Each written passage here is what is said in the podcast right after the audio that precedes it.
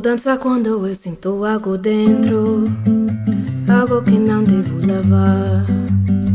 Eu vou escutar as músicos brasileiros que me deixam libertar.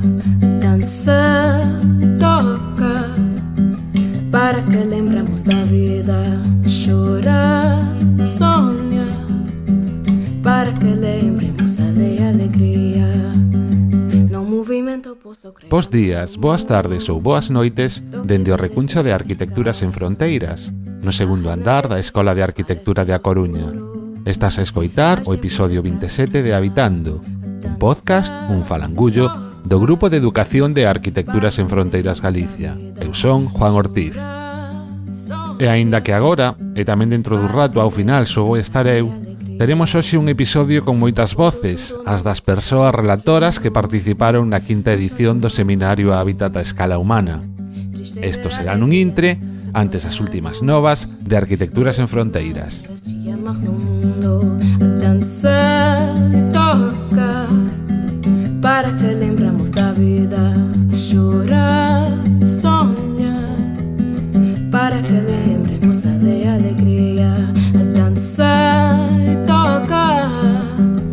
para que lembramos da vida, chorar e sonhar. Para que lembremos, para que lembremos, para que lembremos, ale, ale, ale, ale, para que lembremos, ale, alegria.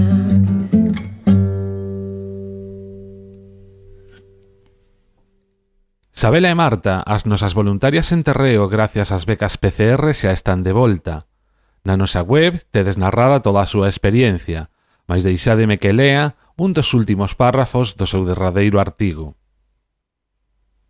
Ademais de todos os souvenirs, temos que recoñecer que trouxemos connosco unha experiencia inesquecible. Novamente, o traballo que se desenvolve dende ASF ensinounos moitísimo, e máis cando traballas man a man coas persoas expatriadas en terreo. Lara e Adrián, Con toda a súa experiencia traballando nas comunidades da costa sur de Guatemala, demostráronnos que precisamente a experiencia é a máis importante das ferramentas para traballar en contextos tan diferentes ao noso. Deles aprendemos a cada día que pasaba, e demostráronnos, a pesar de se converter estes moitas veces nun traballo esgotador, cunha carga de responsabilidade moi grande e que deriva en momentos de moito estrés, cunha paciencia infinita e unha enerxía incomprensible, que todo sai para diante. Ademais da aprendizaxe, traemos o orgullo de pertencer a este equipo que forma a ASF en Guatemala, que xunto co equipo de Asia Prodi, ao que ademais nos une xa moito cariño, suman unha forza moi grande e paseniño, todas xuntas, fan medrar as capacidades dunha poboación que o merece todo. Gustounos moito coñecer o funcionamento das outras asociacións coas que traballamos, a FODAP, Prodesa, Proide ou Agareso, Todas elas enriqueceron a nosa estancia e axudáronnos a comprender a importancia e complexidade de todo o traballo que desde aquí ou desde alá desenvolvemos. E pouco despois da súa chegada, tivemos o placer de recibir por aquí a Juventina López, que é a presidenta da Asociación Indígena Agropecuaria pro Desarrollo Integral, Asia Prodi, unha das nosas socias guatemaltecas en terreo, acompañada de Ita Xocol, outra lideresa guatemalteca. Ambas percorreron Galicia, dando a coñecer a loita que realizan no seu país sobre os dereitos das mulleres e o territorio, no marco do proxecto Mulleres que mudan o mundo, impulsado pola coordinadora galega de ONGD e a Deputación de Pontevedra. Xa estamos a votar de menos porque ela tamén xa está de volta en Guatemala. Rematou novembro e con ela o noso proxecto de educación 2017-2018 Todas as persoas involucradas sentímonos moi satisfeitas do traballo realizado, tanto as pertencentes a Arquitecturas en Fronteiras como as nosas socias na Facultade de Educación. En realidade, xa estamos dende hai algúns meses traballando no proxecto 2018-2019 e tamén en asociación con esas mesmas profesoras e profesores. Estamos convencidas de que a experiencia aínda vai ser mellor. Unha promo e comenzamos. Los arqueólogos más intrépidos de la podcastfera han aterrizado en las ondas para contar la historia y la arqueología desde otro punto de vista. Puedes escucharnos en iBox y en iTunes y seguirnos en nuestras redes sociales. Twitter, Instagram y Facebook como arroba Proyecto Arqueo. Proyecto Arqueo. Porque si quieres seriedad, ya tienes los manuales. Os pasados 17 de outubro e 21 de novembro Celebramos na Facultade de Ciencias da Educación da UDC a quinta edición do seminario Hábitat a escala humana. Este ano baixo o lema A vida no centro, tamén na educación. Nel falamos sobre todo de participación, inclusión e cuidados, plotexándonos cuestións como cal é o marco de dereitos para unha educación que poña a vida no centro, como, dende o marco xurídico actual, podemos promover a educación no dereito ao hábitat ou como sería unha educación baseada en dereitos en vez de no currículo. Que significa poñer a vida no centro cando falamos de educación e de centros educativos? Onde están as barreiras e os límites? Onde está a exclusión? Que posibilidades pedagóxicas brindannos traballar sobre o espazo físico? E moitas outras preguntas. Tamén, en concreto na segunda sesión, Expuxemos o traballo realizado neste eido no proxecto que comentábamos hai un intre acabamos de finalizar, sobre todo das experiencias educativas desenvolvidas por alumnado da Facultade de Ciencias de Educación. Na nosa canle de Youtube e na nosa web atoparedes en vídeo todas as intervencións deste seminario e a continuación, neste episodio, unha escolma de algúns dos momentos clave de cada unha delas. A primeira charla correu a cargo de María Eugenia Palop, profesora titular de Filosofía del Derecho na Universidade Carlos III de Madrid. Ademais, é investigadora no Instituto de Estudios de Género e no Instituto de Dereitos Humanos Bartolomé de las Casas da citada universidade. Neste último instituto, dirixe a Cátedra Norberto Bobbio de Igualdad e No Discriminación, o Grupo de Estudios Feministas e a Cátedra UNESCO sobre Violencia e Dereitos Humanos.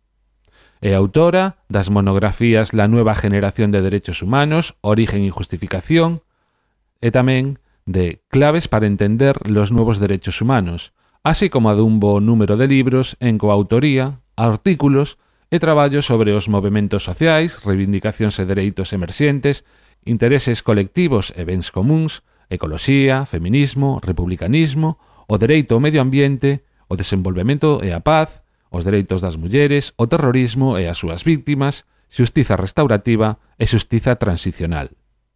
Na súa charla, María Eugenia reflexionou e estableceu unha relación entre o significado de poñer a vida no centro, os aspectos estructurais e transversais que a educación ten e a importancia de realizar unha revisión da construción dos dereitos humanos. Diría que habría unos ejes centrales y unos ejes transversales. Tres ejes centrales. Uno, la participación, la deliberación y el diálogo, precisamente el encuentro para definir entre todos y todas cuál es nuestro mundo en común, qué hacemos en común, qué queremos hacer en común, qué queremos ser en común. Por lo tanto, eh, ponerla bien en el centro requiere, en primer lugar, una práctica relacional que tiene que ver con el diálogo. Claro. O sea, esto sería el primer elemento. El segundo elemento, el segundo eje sería asumirnos, como he dicho, como seres necesitados, vulnerables y plantear una autonomía que tenga que ver con el desarrollo de capacidades distintivas más que con la idea de fragmentación o separación. Y el tercero sería, en cierto modo, educar en el autocontrol. Esto que, con esto que quiero decir, nosotros tenemos una, forma educativa que consiste muchas veces en sacralizar el presente, en eh, tener una visión lineal del tiempo y en la que todo ha de suceder sucesivamente y de manera rápida. Tenemos una forma educativa que consiste, digamos, en una, o que nos alimenta una cierta ansiedad, una cierta voracidad, Em, que no solamente está orientada al consumo material, sino también al consumo del tiempo, que, que desprecia todo lo que es manifiestamente débil, todo lo que no puede actualizarse de manera rápida e inmediata, como pueden ser el mundo animal, como pueden ser las generaciones pasadas, como pueden ser las generaciones futuras, que además externaliza permanentemente los costes del despelote, es decir, que uno vive de forma rápida, acelerada, ansiosa, voraz, sin control y además expulsa, digamos, continuamente, externaliza continuamente los costes sociales, ambientales, ecológicos, afectivos, emotivos de su manera de vivir. Externaliza para que sean otros, para que sean otros los que se ocupen, que sean otros los que se ocupen del cuidado, que sean otros los que paguen en el futuro, digamos, nuestro despelote ecológico, que sean otros los que produzcan esos productos baratos para que nosotros vayamos a Zara y lo podamos comprar por 5 euros, que sean otros los que, digamos, paguen el coste de nuestra manera voraz de vivir y consumir. Cuando yo digo uno de los ejes centrales, digamos, de poner la vida en el centro, supone participar, sentirnos necesitados y vulnerables y tener un punto de autocontención, un punto de autocontrol, digo revertir por completo, si fuera posible, ese enfoque. Porque el enfoque de el presente lo es todo, más vale pájaro en mano que ciento volando, no dejes para mañana lo que puedas hacer hoy, supone de inmediato implantar la voracidad, no solo, repito, material, sino también de tiempo, emotiva y afectiva en los seres humanos. La necesidad de tiempo, no ya de tiempo, todos tenemos la idea de tiempo, sino de tiempo. Es eh, la educación en eso, la educación en el ralentí, es un eje central asociado a la vulnerabilidad. El otro día hablaba con Marta por teléfono y propia y la ajena. ¿Por qué es tan importante que, haya una ley de, de, eh, de permisos de paternidad y maternidad intransferibles, obligatorios y pagados al 100%? Solo porque, por supuesto, un menor, un bebé, un niño, tiene derecho a ser cuidado por sus progenitores en condiciones y en pie de igualdad. No solo porque los progenitores además tienen derecho en pie de igualdad a cuidar de su hijo o su hija, sino porque el ejercicio del cuidado es una auténtica mili. Eso sí que es un servicio militar. Pero en lugar de aprender a matar, lo que se hace es aprender a querer. Cuando una persona está hora tras hora, durante 24 horas non-stop, escuchando a un bebé llorar y no lo tira por la ventana, eso es un aprendizaje de vida que es algo que lleva ganado para siempre. Los varones, por desgracia para ellos y también para los menores, no han tenido la oportunidad o no se les ha dado la oportunidad de aprender a cuidar. Si uno se va a su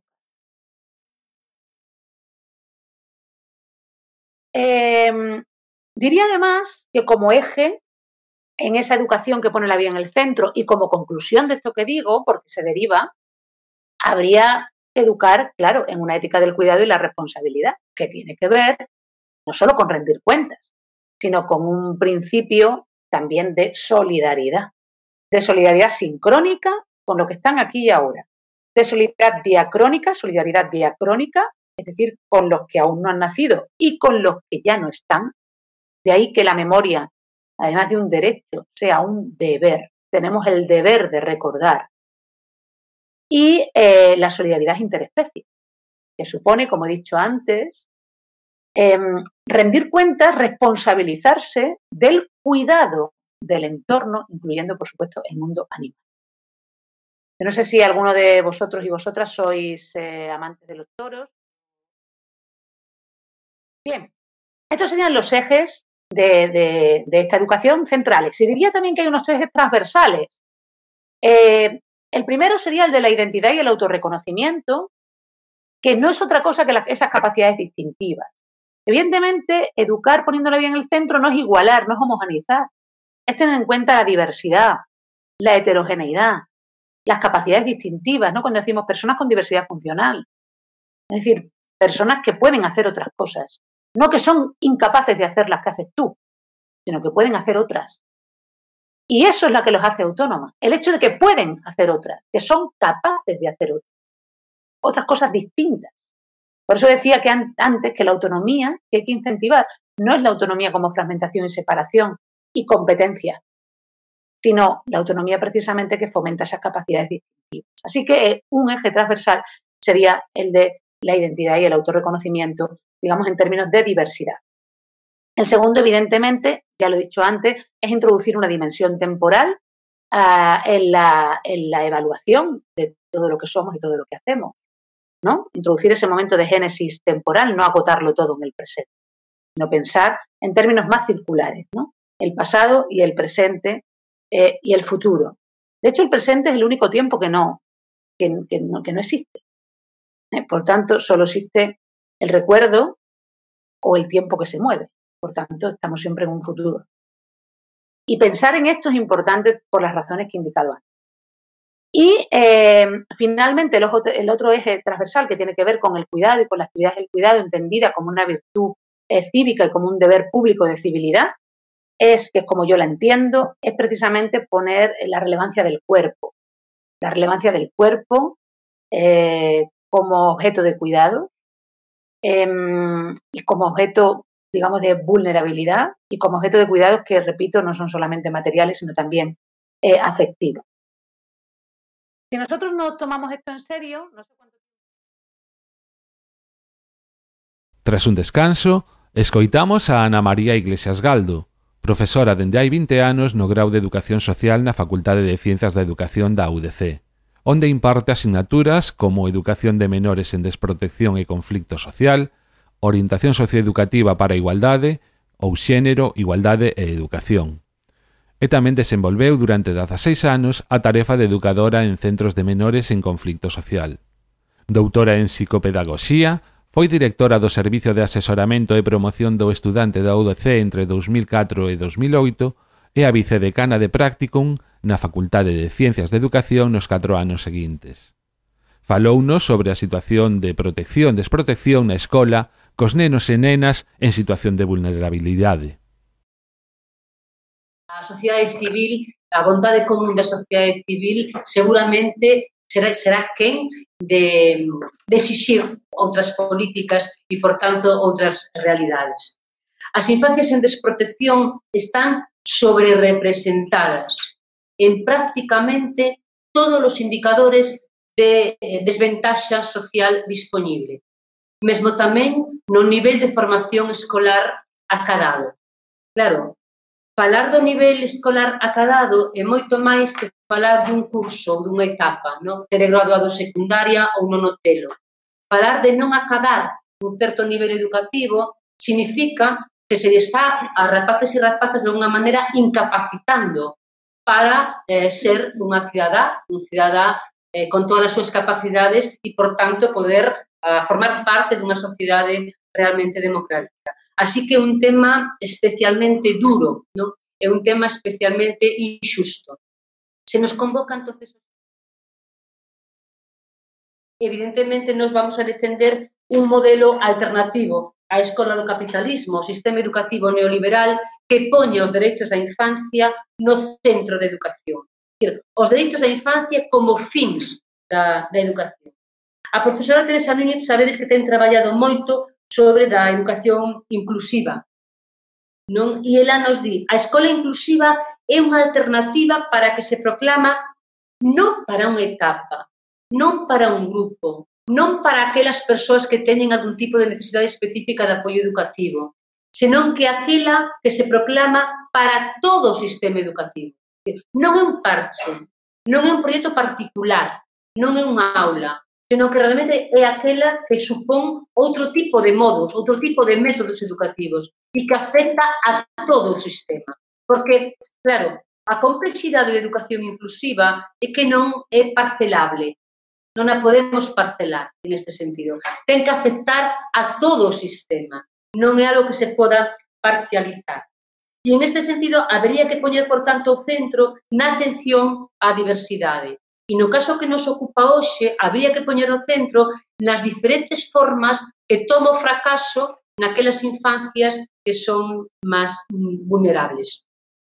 Isto significaría recolocar, e aquí me vou ao profesor Xurxo Torres, significaría recolocar nun primeiro plano as finalidades dos sistemas educativos na súa dimensión ou no seu sentido máis clásico.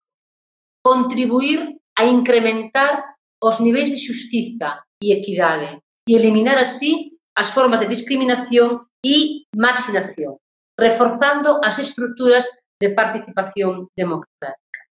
Para rematar, por tanto, en esta exixencia que entendo que hoxe das persoas que estamos aquí facemos nosa e é colectiva, non me queda ningunha dúbida, eh, apostamos por un modelo de educación ou propoñemos un proxecto dun modelo de educación inclusiva, a mí me resulta especialmente interesante a, para, para concretar este modelo a teoría das capacidades da filósofa Martha Nausman. E explico brevemente por qué.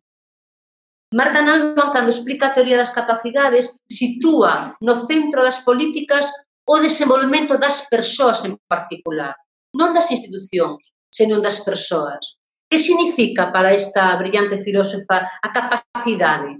E ela nos di, Capacidade significa oportunidade de seleccionar. A noción de liberdade de elección está, pois, inscrita no concepto mesmo de capacidade. As preguntas que debemos facernos serían que son as persoas realmente capaces de facer e de ser? Cales son as oportunidades reais que a sociedade, e en este caso, se me permitidos, diríamos, que o sistema educativo lles dá para actuar e para escoller. Así que en contra de que nos piden máis esforzo e máis disciplina para mellorar a calidade do sistema educativo, nós, seguindo o profesor José Jiménez Sacristán, recomendaríamos que se preocuparsen máis porque os estudantes obtiveran moito máis placer con que lles ensinamos, coa aprendizaxe, e que a vida nas aulas sexa pois, claramente un tempo non tanto para penar, como é o caso, non? senón para gozar, uh, porque coa paixón do coñecemento se goza. Leticia Barbadillo é unha comunicadora que se formou como profesora e actualmente realiza as súas prácticas como educadora infantil. Ademais, é unha activista pola educación inclusiva. Nai dun neno neurodiverxente e dous con altas capacidades, realiza parte da súa labor por medio do blog compartido Se o vello Simbad tivese fillos, onde firma como diminutísima. Leticia introduciunos no tema da exclusión de nenos e nenas do sistema educativo ordinario e en como o propio sistema xustifica, regula e practica a discriminación da infancia con diversidade funcional, da infancia extraordinaria que non cabe nunha educación que debería ser para todos e todas. Pero, bueno, Eh, como xa dixo, a, a miña perspectiva ven desde a experiencia personal. Eu si teño unha formación académica en educación, pero falo desde a experiencia, a miña experiencia como nai no sistema educativo e coa diversidade. Tamén me gustaría saber que non sodes vos. Eu sei desde onde falo, e creo que sei vades, pero tamén quero saber desde onde escoitades. Sei que hai estudantes, sei que hai familias nais de persoas con diversidade funcional, hai docentes en activo non universitarios. Non? universitarios. Non universitarios. vale. Tede piedade se eu non teño piedade con vos. Eh, cando Marta me pediu que, que, bueno, que yo fixese un título e non da non tiña moi claro que, que vos quería contar, dixen, bueno, vou ao básico o decreto 229 de 2011, que é o decreto que regula atención á diversidade na Comunidade Autónoma de Galicia e que establece desde o principio esta distinción entre escolas ordinarias, escolas non son extraordinarias, son escolas especiais, estudiosos. O contrario ao ordinario non é especial, é extraordinario. Non é así como se denomina no decreto e articulei todo o discurso precisamente nesa diferencia. No preámbulo, bueno, nas disposicións xerais deste decreto, hai unha cita da LOE, porque está, bueno, está redactada esta norma no marco da LOE, e agora segue en vigor por falta de desenvolvemento normativo, que asume e afirma que o sistema educativo deberá proporcionar os medios para aqueles alumnos que non podan eh, alcanzar os obxectivos no sistema ordinario decir, o propio marco normativo asume e recoñece sen vergonza ninguna que non chega a todo mundo. E que para eses haberá que poñer parches, que é o que se desenvolve neste decreto. E non sei se vos coñecedes o decreto, se alguén collo que Entón, volvo a, ao grande, eh, grandes rasgos o que fai este decreto é normalizar esta división entre o ordinario e o extraordinario, en tres ámbitos. No alumnado, pois sen definir as características do alumnado ordinario e todo aquel que non está contemplado no grupo de necesidades específicas de apoio educativo. Eh, eso que implica?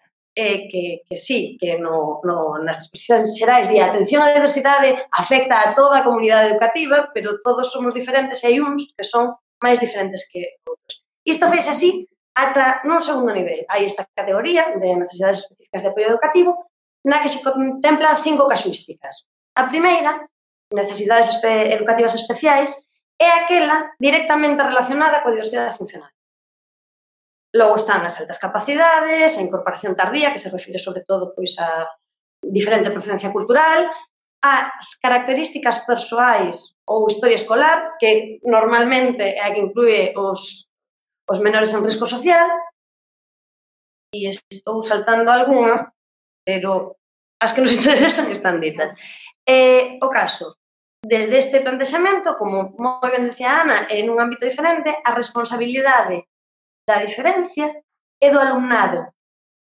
Non é o sistema o que non está chegando a todo o mundo. Son os alumnos que teñen estas características os que teñen que ser tratados diferente por ter escollido ser diferentes. Digo eu. entón, eh, para estas categorías tamén crea categorías de escolarización. Tres, a categoría ordinaria, a categoría especial, non extraordinaria, e a, a categoría combinada, xornadas en centros ordinarios e xornadas en centros especiais. Que pasa? Bueno, coa, coa, en Galicia a Xunta asume, e é certo, Galicia é a comunidade autónoma do Estado con maior presenza de alumnado NE, é dicir, necesidades educativas especiais, é dicir, con diversidade funcional, escolarizado en centros ordinarios. Un 92,4% no, no, nos datos do último ano do alumnado eh, con estas necesidades está en centros ordinarios. E a xunta presume dese dato. Como moi ben dicía Gerardo Echeita nunha entrevista este verán, que nos parecería pensar ese dato en global? É dicir, non en alumnado con diversidade funcional. Que ven o 92,4% do, da, das persoas en idade escolar está escolarizada. Ese 8% que falta non é terrible. Pois se é terrible para a sociedade en xeral, tamén o é para eses nenos que están excluídos do sistema ordinario. Eh, eu entendo, porque agora mesmo en Madrid, con a iniciativa pola educación inclusiva, hai moito conflito con familias que atopan nos centros especiais o seu refuxio e o refuxio para as súas fillas e os seus fillos, para que non estean maltratados e non só polos compañeiros. Eu entendo ese posicionamento e o propio Cheito decía ninguna familia ten que sacrificar ao seu fillo no altar da inclusión. Non podemos pedir eso. Agora ben, a existencia da escolarización especial é a excusa para que o sistema educativo non teña que afrontar as exclusións que perpetra. Que como temos esta vía, non temos que preocuparnos de facer que as escolas ordinarias sexan inclusivas. Porque hai unha vía, bueno, esperemos que minoritaria, de urxencia, de último caso, pero existe, está aí e rematou a primeira sesión do seminario con Carmen Saavedra, que desenvolve a súa carreira laboral no ámbito da xestión cultural. Enai é activista polo cumprimento dos dereitos das persoas con diversidade funcional e por acadar unha inclusión social real. Dadas as súas experiencias vitais con un fillo con síndrome de Joubert, decidiu crear un blog que se chama Capaces con dúas pés, no que narra as súas experiencias, comparte información e recursos e no que podemos atopar milleiros de ligazóns e ferramentas para pouco a pouco obter unha sociedade inclusiva de verdade. Partindo da frase, que xa é un lema para moitas nais, se tío dis será, de Basílica Almendros, Carmen Saavedra explicounos como deshumanizamos as persoas con diversidade funcional a través do prexuízo, do traslado de perspectivas médicas ao ámbito educativo e que non hai nada máis potente para romper eses presuízos que o amor e ver a través delas persoas. E que para iso necesitamos estar xuntas, en contacto e en convivencia. Todo demais é segregación. Nació Antón lo recibimos como una tragedia. Es algo que, bueno, cada 16 de noviembre me vuelvo a fustigar, ¿no? El haber recibido a mi hijo con ese dolor, porque a su hermana la recibimos con mucha alegría. Y además era un dolor absurdo y no fundamental. Ahora me doy cuenta. Lo que pasa es que los prejuicios que habían incrustado en mí desde que había nacido, que al haber a mis abuelos, a mis bisabuelos, desde que el mundo es mundo, pues me convencieron de que, de que nuestra vida se había acabado y que aquello era una tragedia. Eh, entonces tuve, eh, después de 14 años, puedo decir que la tragedia no está en su funcionalidad, lo aseguro. No se conoce de otra manera. Funcionar de forma distinta a la mayoría estadística no es una tragedia. Aunque no lo creáis, no lo es. no lo es. La tragedia es que el mundo solo vea eso en ti, que solo vea tu etiqueta. Esa es la tragedia. Entonces yo tuve también que hacer un cambio de mirada. Eh, y hay muchas personas que manifiestan este cambio de mirada. El cambio de mirada consiste en dejar de ver la discapacidad de mi hijo para ver a un niño, ni más ni menos.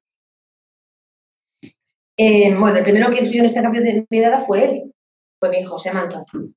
Mi amor hacia Antón. Porque el amor es el arma destructora de prejuicios más poderosa que existe, no os quepa la menor duda. Eh, y otras muchas personas que me han ayudado en el cambio de mirada en este, este mundo y de, esa, de ellas os quiero hablar. Em, mi ponencia se llama Si tú lo dices será, luego os explico por qué se llama así.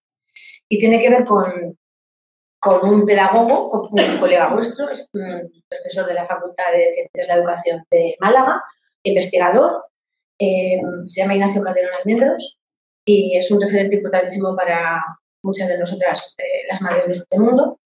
Eh, os recomiendo que veáis su web porque ahí tenéis sus artículos, acceso a sus libros, a sus ponencias y sobre todo este, educación, handicap, que es nuestra Biblia. Esta es la Biblia de, muchas de nosotras. Eh, bueno, en la mirada de Nacho, em, seguramente su mirada, su sensibilidad, la forma, eh, él mm, ha trabajado básicamente en, el binomio discapacidad-educación, ¿no? Me digo, es que yo me digo hablar de educación inclusiva, de verdad. Es que yo he hablado durante años de educación inclusiva, de escuela inclusiva, ¿La educación es educación o no es educación? No puede ir acompañada de un adjetivo. Y la escuela es escuela, sin más. No puede haber. Cuando, en cuanto a una escuela se le pone un adjetivo, deja de ser una escuela.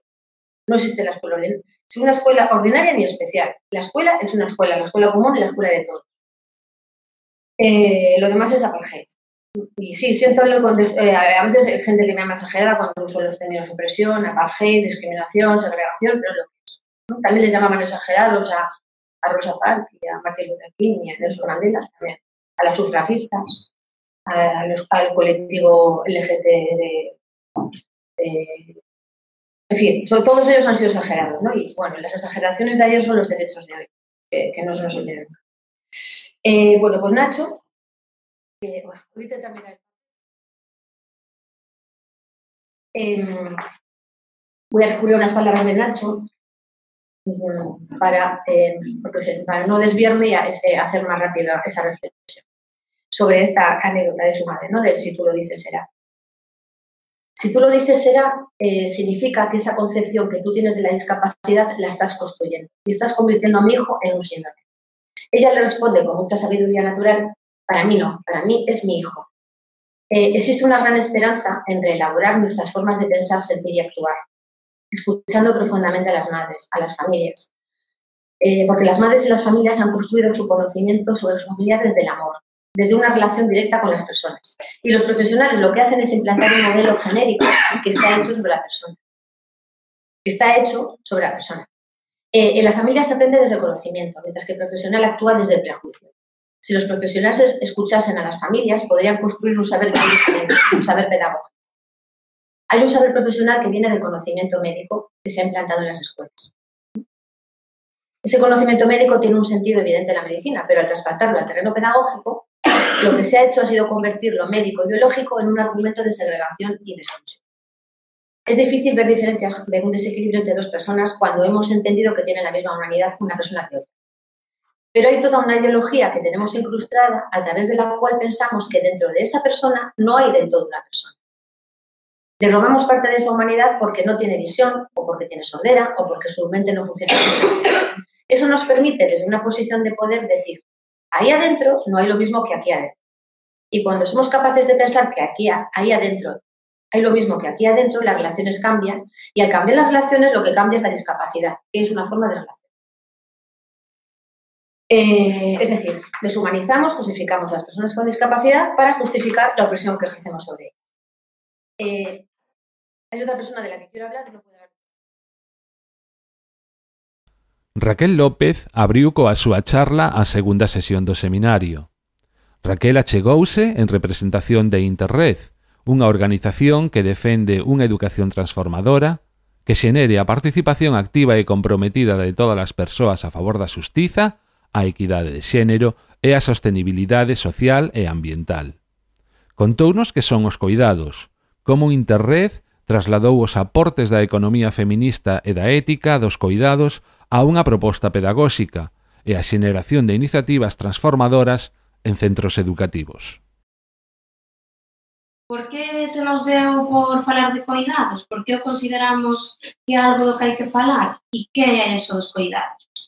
Ben, pois por coidados entendemos que son todas aquelas actividades reproductivas que ao final o que mm, orientadas á reproducción social e a, a perpetuación da vida, non? son todas aquelas cousas eh, invisibles que non se ven, pero sin as cales non se podría vivir. Non é así tan, parece que é algo tan pequeniño, pero ao mesmo tempo tan importante.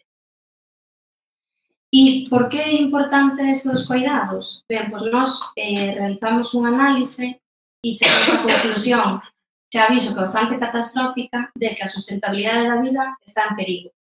Por que? Por que decíamos isto? Ben, pois, para explicarlo, mm, argumentámonos en tres piares fundamentais, que é que existe un conflicto entre o capital e a vida, da Organización Social dos Coidados e a crise dos coidados. Vale? Entón, agora vou explicando un pouquinho eh, que aspectos ou que características de cada un destes piares. En canto ao conflicto entre o capital e a vida, por que decimos que está en conflicto? Porque o noso sistema actual socioeconómico capitalista está centrado, dá unha importancia aos mercados, á acumulación do capital, e deixa esquecido tanto as materias primas, a natureza, como tamén as persoas. Así a vida convírtese como nun medio de produción e non un fin en si sí mesmo. Non? Isto de vivimos para traballar e non traballamos para vivir. Sería un pouco esta, esta idea. Eh, como parece que hace algo moi... Eh, Como vos comentaba, a Delegación de Euskadi desenvolveu esta proposta de, de pedagogía dos cuidados, de como facemos que as escolas eh, incentiven os cuidados, que os teñan en conta, e damos así unha serie de pistas, non? que parecen como moi moi sinxelas, pero bueno, cada, cada cousinho supón un traballo, traballo tremendo. Comenzando polo, polo análise, non? por levar a cabo unha profunda análise dos objetivos e prácticas educativas que desenvolvemos, cada quen individualmente, como persoa, pero tamén como comunidade escolar. Eh, por a vida no centro, a sustentabilidade da vida e cuestionar tamén a incorporación da perspectiva de xénero. Digo cuestionar no sentido de que agora mesmo prácticamente todos os centros escolares e todas as institucións eh, festexan o 25 de novembro, o 8 de marzo, pero logo habría que ver se si realmente no día a día esa perspectiva de xénero está incluída ou non. Si eso, mm, pues, colocar un lazo morado na fachada do centro 25 de novembro, que está ben, que tamén hai que ter esa parte de visibilización, pero si hai tarefa que vaya máis alá, non? Un pouco mm, ver o que facemos nos, nos centros e incomodarnos, porque isto tamén exixe, exixe esta, esta incomodidade. ¿sí? eh, revisar e rexustar os contidos curriculares, o que implica recoñecer aportacións de outras disciplinas que ata o momento non están inmersas no currículo escolar, como pode ser a economía feminista, recuperar o valor transformador dos dereitos humanos, non? que parece que se nos quedou aí eh, sobre o papel e o papel suxeita todo, pero dar este matiz transformador aos dereitos humanos, apostar por unha educación intercultural e a educación ambiental.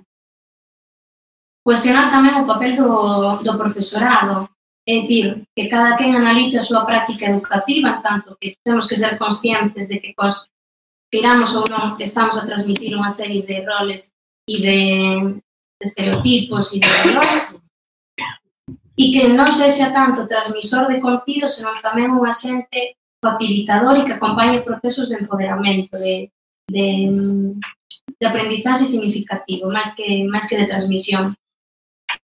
Impulsar a participación activa de nais e pais e tamén por extensión de todo o entorno, do barrio, do povo onde se sitúe o, o colexio.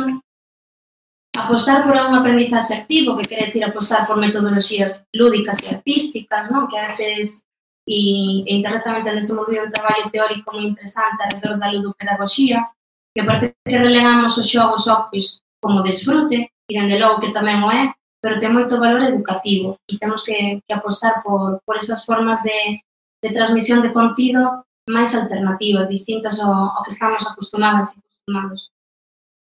E, finalmente, reestructurar os horarios e espazos escolares acordes cos procesos de renovación pedagóxica que intentamos impulsar. Se estamos falando de cuidado, se estamos falando de aprendizaxe colaborativo, pois tampouco ten moito sentido que, que as escolas sigan tendo as fileiras eh, do alumnado, que, que a aprendizaxe, que a visión sexa cara a unha pizarra, cara ao profesor ou profesora, que os tempos estén sempre tan afogados e só 20 minutos para o recreo e come tu bocadillo rápido e se che dá tempo xogas un pouco. Entón, bueno, eh, un, unha transformación ao cabo, pois, prácticamente dende o inicio, vaya. Entón, bueno, como comentoimos ben de Tras Raquel, escoitamos a Javier Rouco, doutor e profesor de Educación Infantil e profesor asociado en Ciencias da Educación na área de Teoría e Historia da Educación e pertencente ao Grupo de Investigación Política Educativa, Historia e Sociedade. Javier é un crack a hora de despertar a mente dos máis pequenos e pequenas a base de incorporar a filosofía e o pensamento crítico na clase pero sí que a filosofía nos dá un mapa, nos dá algo parecido a un mapa, un mapa do pensamento que nos axude a planificar, a planificar actividades. Logo saben como saben, pero por menos nos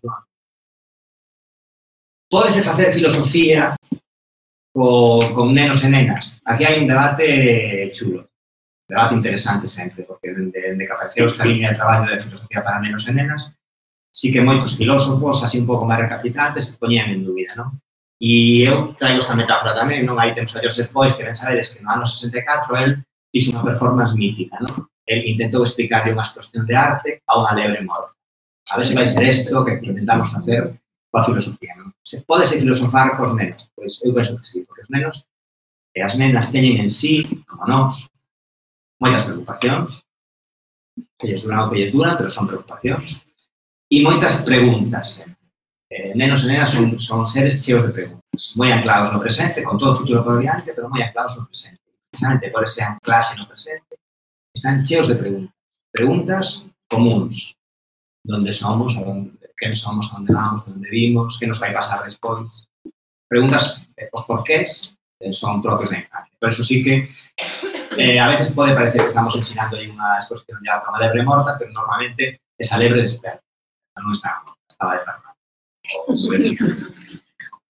Eh, pensamento creativo, pensamento cuidadoso, a, aí a ética nos axuda moito, como nos decía Raquel, a, a, toda unha parte da filosofía que é a ética que nos axuda ao pensamento cuidadoso. Bonito, que que non pase como un rodillo por riba do pensamento dos pais, totalmente diferente do que pasa os sábados pola noite na televisión, un pensamento cuidadoso.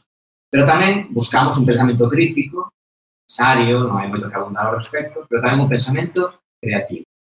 E aquí situamos un pouco no punto oposto da, da diapositiva anterior.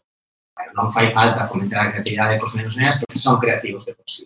Pois eu teño as miñas dúbidas. Eu creo que a creatividade está están nos nenos, tamén están os adultos, apañados estarían, e está un pouco como, como estas, nestes esclavos de Miguel Anxo, ¿no? que están, están dentro, Miguel Anxo decía que lo que tiene que facer é apartar a pedra.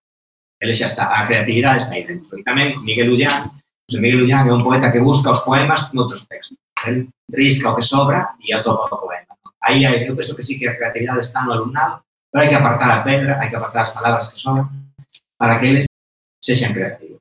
No non sei se que son, son creativos e creativas ou son ousados ou desenfadados ou se, se enfrentan ás tarefas de una maneira que non nos enfrentamos nós, pero a creatividade son máis cousas, porque a eh, infancia é un, está nun momento totalmente de diverxencia. Si, si, si, ah, hai que comentar a diverxencia para que haxa creatividade, pero se iso non converxe, nos quedamos en facer, facer, facer, facer. E aí nos quedamos moito, moito, moito nos coles. A converxencia tamén fai falta. E logo nos movemos constantemente entre o asombro e a pregunta. Preguntas que se converten en asombro e asombros que levan a novas preguntas. Con nenos, con adultos, aquí na facultade, na vida, cos mozos e cos A nosa vida é estar constantemente pasando dunha pregunta a unha sorpresa. Despois, outra pregunta e outra sorpresa. esa fascinación, desa fascinación de boas preguntas que podemos facer, é onde se move esta liña de traballo na que eu, na que eu me atopo tan cómodo e que eu sueño compartir. Por lo tanto, pensar é moi complicado. Tras o descanso, chegou a intervención de Marta Casal representando ao Grupo de Educación de Arquitecturas en Fronteiras Galicia e deu paso a Laura Cruz, que comentou a primeira das tres actividades desenvolvidas por profesorado da Facultade de Ciencias da Educación en colaboración con Arquitecturas en Fronteiras, unha experiencia de aprendizaxe e servizo a través da elaboración dunha cartografía social do dereito ao hábitat en A Coruña e da que vos falamos polo miúdo no episodio 21. Laura é doutora e profesora de Educación Social en Ciencias da Educación na área de Teoría e Historia da Educación, é pertencente ao Grupo de Investigación Política Educativa, Historia e Sociedade. Eh, a idea era como, bueno, como podemos traballar o dereito ao hábitat na, no currículum de educación social, se é necesario, tamén no mestrado de, de secundaria, non? Entonces, de entrada, pensamos nunha idea moi sinxela que partía dunha das unidades didácticas que, que nos presentaba antes Marta, non? A unidade que fala do dereito ao hábitat, non? que esa unidade está preparada para o alumnado de secundaria e nós, bueno, queremos facer unha adaptación para, para a universidade, pero algo tan sinxelo como observar a realidade, facer derivas, captar non? en imaxes o que representa o hábitat na cidade e poder acompañar as imaxes de unha eh, narración tamén, non? Eh, iso era a idea inicial, que era moi sinxela, eh, pero nos liamos, porque porque sí, porque nos recomendaron falar con eh, cunha entidade, con dúas persoas maravillosas, un tamén é arquitecto, ainda que se define como urbanista, con Martín Barreiro e con María Malaser da traballan en, en Cangas, nunha entidade que se chama Rurbán, son expertos en metodoloxías participativas, expertos en cartografía, en, map, en mapeos, non? E, en utilizar todas estas ferramentas para coñecer e para transformar tamén os territorios, non? Entonces dixemos, bueno, pues que nos formen primeiro a nós como docentes e tamén ao noso alumnado para poder desenvolver a cartografía. Nos, tamén era algo novo para nós, eu nunca fixei unha cartografía, nin sabía o que era un mapeo, non? Eh, nos formamos, tivemos unha reunión de 4 horas, nas que aquilo que era incipiente e sencillo se convertiu nun proxecto moito máis complexo, eh, no que, que foi todo un reto para nós como docentes, tamén para o alumnado, houbo reticencias, porque sempre as hai cando algo é novo e hai moito traballo por diante, pero que, eh, bueno, as avaliacións non é todo o proceso e, e, e, e o produto final pois eh, bueno, é suficientemente rico como para embarcarse máis veces en proxectos similares, non? Eh, me lío. Mm, educación multicultural en segundo, non? Entonces, como reflexionar alrededor do hábitat vinculando coa exclusión residencial, moi ligado á multiculturalidade e, e ligado á súa vez a dereito ao hábitat, que é moito máis que, que un fogar, que unha casa, que unha vivenda, non? E, e poder facelo, esa era a nosa intención, desde a perspectiva das persoas protagonistas, tanto persoas en situación de vulnerabilidade, persoas en fogar e persoas eh, migrantes, non? Eh, con proxectos migratorios, eh, e como de profesionais que traballan en entidades que atenden estas realidades, non? Eh, isto, ao final, eh, bueno, ao final non, mm, partimos dun concepto tamén moi amplo, non? igual que o concepto de hábitat é amplo e difícil a veces de acoutar, non? o concepto de xenfogarismo tamén é un concepto amplo. Non nos referíamos únicamente a ese perfil máis estigmatizado e máis visible de quen durme na rúa ou de quen habita en contornas eh, pois desfavorecidas, non? que non reúnen as condicións mínimas non? para un desenvolvemento integral eh, en esta segunda parte se integrarían moitas realidades que son tamén desenfogarismo entendido, sentido amplo, non?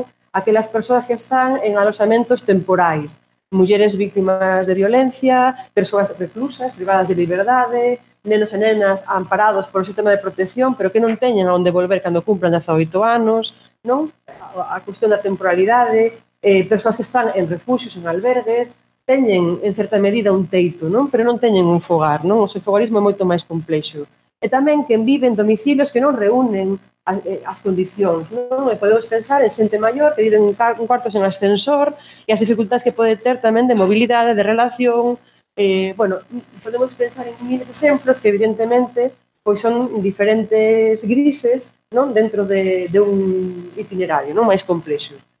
E tamén pensamos que era necesario falar de dereitos a, a problemática e esta realidade, non? Porque se pensamos únicamente en quen durme na rúa, na Coruña poden ser 1.500 persoas, non? Que utilizan albergues temporais. Pero se pensamos nos enfogarismos en sentido moito máis complexo, a realidade multiplica exponencialmente e exixe que se considere unha cuestión social e que se reivindique intervención pública, non?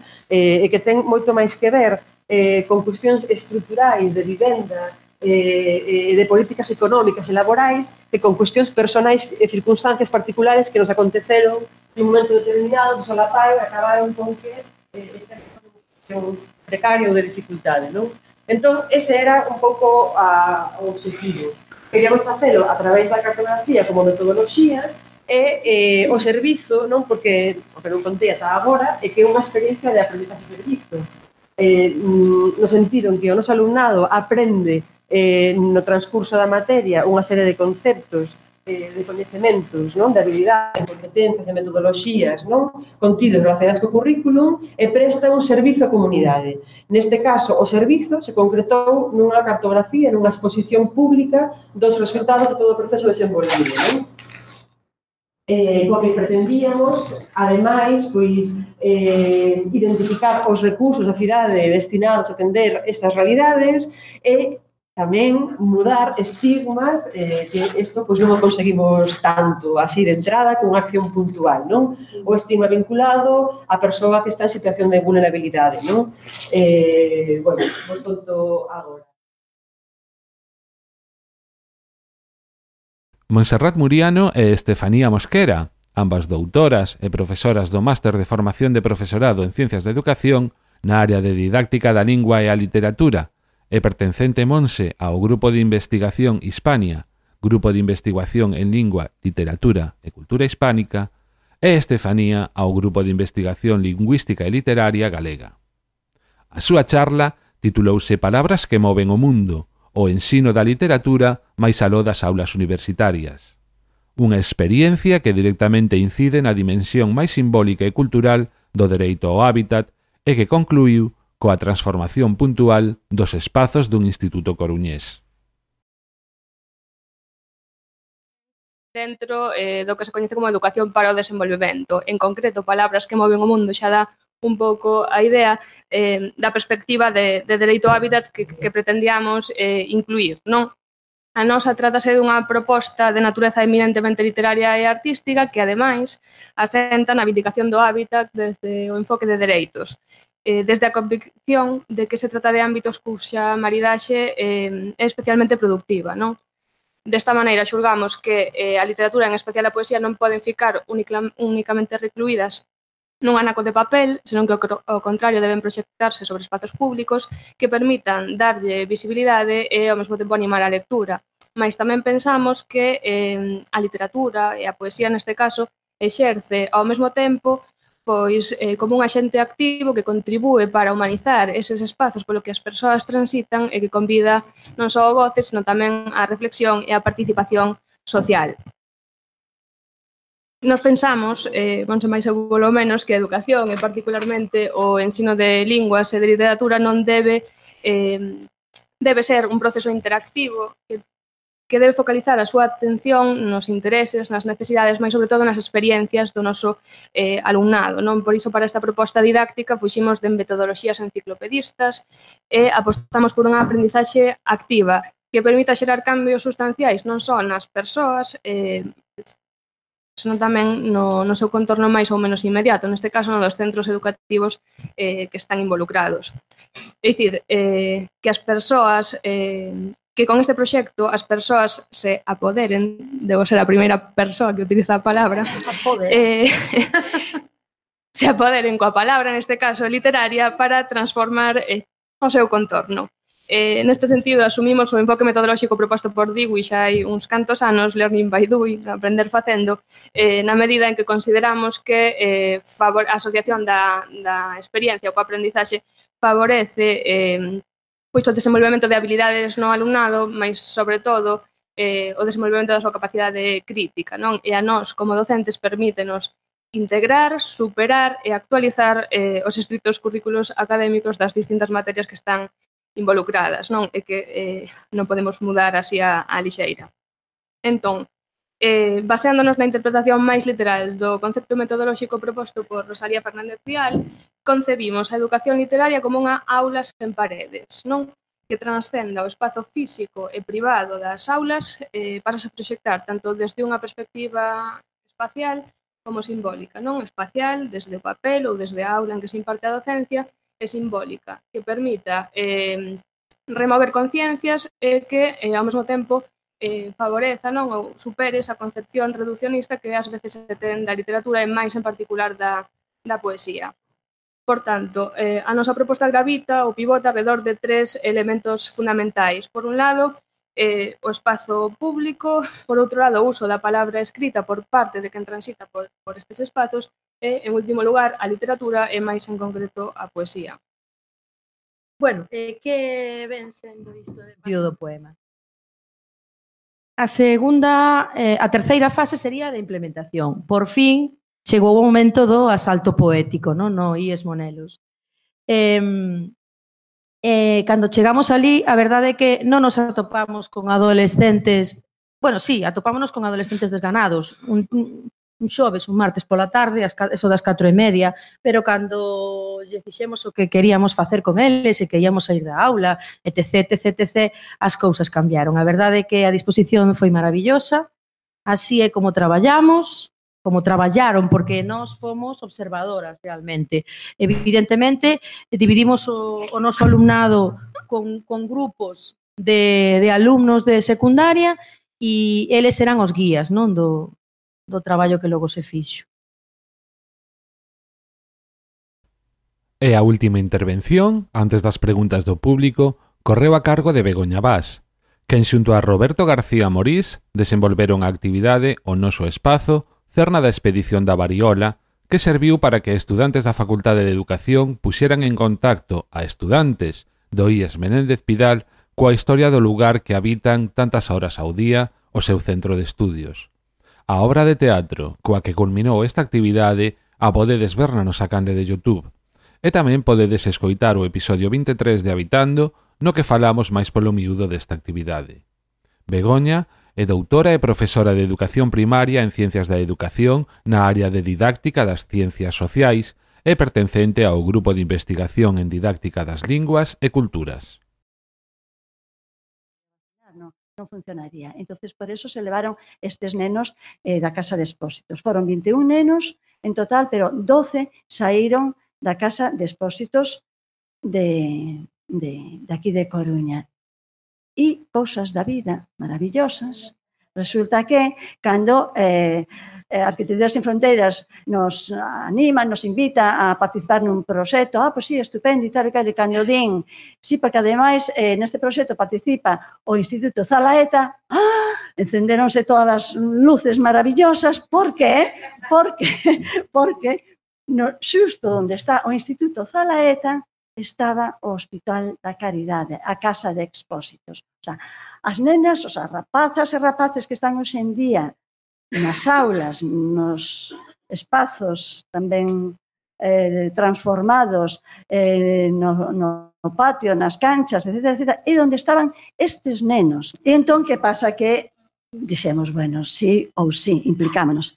Entonces, eh, digamos que temos aí a zona que Roberto e eu chamamos a zona cero da, da expedición da Variola e eso aínda nos deu aínda un, un, un, un un impulso enorme para eh, abordar isto. Ben, entonces foi todo eh, o que é unha xustificación e sobre todo a oportunidade, porque realmente temos que aproveitar estas oportunidades. No? E a medida que se foi desenvolvendo o proxecto, foi un embarque maravilloso. Ben, entón, eh, dixemos, bueno, pois, pues, eh, imolo propoñer ao noso alumnado de terceiro de, de educación eh, primaria, de didáctica das ciencias sociais, de terceiro A, que é onde impartimos nosa materia, e partimos un pouco pois deste, eh, de, desta, desta idea, desta planificación, non? O, no, o, o, o noso espazo é o cerne da, da expedición da variola, eh? vamos traballar aquí, vamos traballar co alumnado de Zalaeta e de entrada xa albiscamos que podemos traballar desde todas estas perspectivas. Eh? Xénero, contexto social, contexto histórico, sanitario, biolóxico, artístico, literario, etcétera, etcétera. Ben, dentro de como, como se conciben as a didáctica das ciencias sociais e especificamente como as concebimos Roberto e eu, bueno, pois vimos que dentro do, das cuestións de aprendizaxe, investigación, didáctica e servizo, pois coincidía moi ben esta temática e coincidía moi ben tamén a metodoloxía de aprendizaxe e servizo que así lle presentamos eh, ao noso alumnado. Ben, Mm, tivemos varias fases, na primeira fixemos o percorrido didáctico polos distintos escenarios da cidade e do contorno do instituto. Non nos podemos esquecer de que estamos nun proxecto de dereito ao hábitat de como podemos desde eh, desde a historia, desde un feito histórico de gran trascendencia, pero desde un feito histórico, como podemos eh, facer que eh, eh, os escolares do, do, do, do instituto eh, coñezan a súa propia historia, porque o que non se coñece non se valora. Entonces, coñecendo isto, realmente se impresionaba moitísimo eh, que estiveran no mesmo porque sí, bueno, algúns sabían algo da web, que sale algo ali na web do, do Insti, pero realmente verlo e vivilo é moi diferente. Ben, entonces, bueno, pero fíxose ben. En todas as sesións o que si sí fixemos foi que estes pequenos grupos do noso alumnado de aquí, que eran os actores eran as mestras e os mestres dos alumnos do IES, pero que sempre que hubera un pequeno grupo de observadores para que todo alumnado fora pasando por todas as actividades, ou como actores ou como observadores. Ben, a primeira sesión ordenador e despois facíamos reunións con eles, pero eles mesmos iban diseñando as dinámicas que iban a, a facer eh, no propio instituto. Ben. Eh, a segunda eh, a segunda actividade xa foi facer o percorrido eh, co alumnado da, do, do instituto. Eh, se fixeron dúas rutas nos distintos puntos cunhas dinámicas eh, diseñadas todas polo, polo noso alumnado, realmente moi participativas, moi creativas, algunhas divertidísimas, e ademais outra vez está aí a oportunidade, non? Sabíamos que o Concello por fin ia a cambiar a placa da rúa de Isabel Zendal, que ponía Rúa Isabel López Gandalia. ¿Mm? Claro, cuestións de, bueno, de documentos, do boca a boca, de te escribes, eu copio, non hai quen investigue, bueno, sabemos agora que é Isabel Zendal Gómez, e eh, sabíamos que estaba a punto de caer esa inauguración, e, eh, bueno, digamos que eh, procuramos, eh, procuramos que coincidira tamén ese día, que foi un día un pouco estresante. Aí no que decir. Como digo, un pouco estresante, pero foi increíblemente foi casando todo. Entón fixemos os percorridos e un montón de, imaginadevos, case 100 alumnas e alumnos por, por la cidade bella, pola pescadería, etc., etc., que despois eh, algúns van a, a inauguración eh, da placa eh, eh, de, da Rúa de Isabel Zendal e, ao final, todos confluimos eh, de novo na representación teatral. Ben, ao final, pois, o habitual.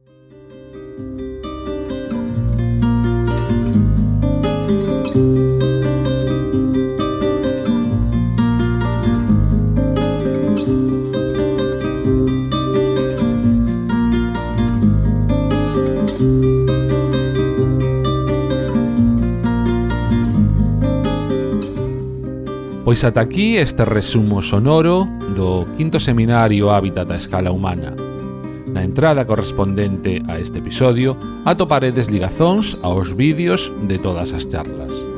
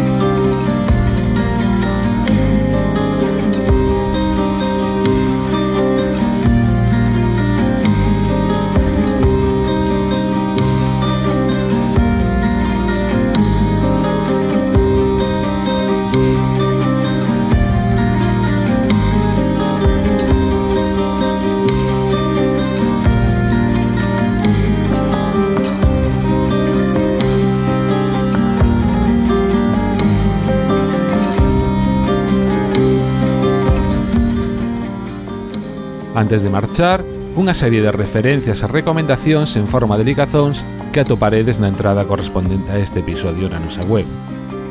Recursos como os blogs das nosas relatoras no seminario, para deconstruir a nosa mirada sobre a diversidade funcional, para cuestionarnos, para construir outra educación e outras relacións e outros hábitats máis humanos.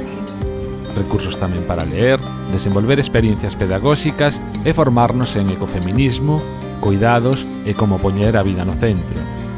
E por último, tamén experiencias de participación, creatividade e pensamento crítico na liña do exposto por Javier Rouco e polas experiencias desenvolvidas entre Arquitecturas en Fronteiras e este grupo de profesores e profesoras da Universidade da Coruña.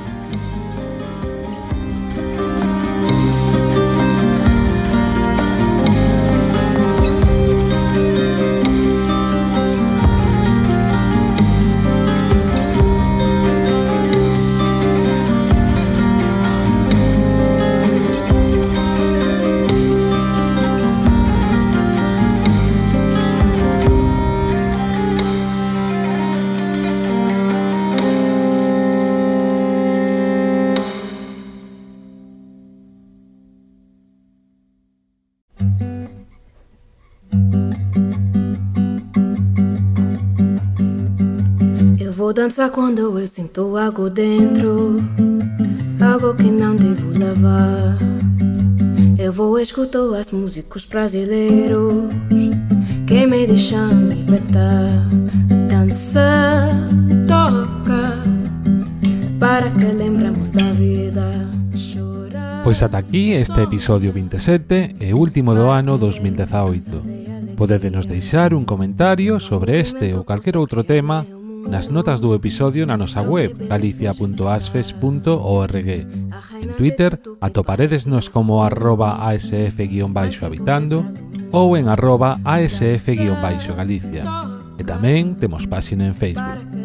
Recordade que Habitando, ademais de na nosa web, está disponible en iVoox e iTunes. As cancións que soaron neste episodio foron a nosa sintonía, a canción A Vida de Maia Solovei e Medianoite de Sangre de Muérdago.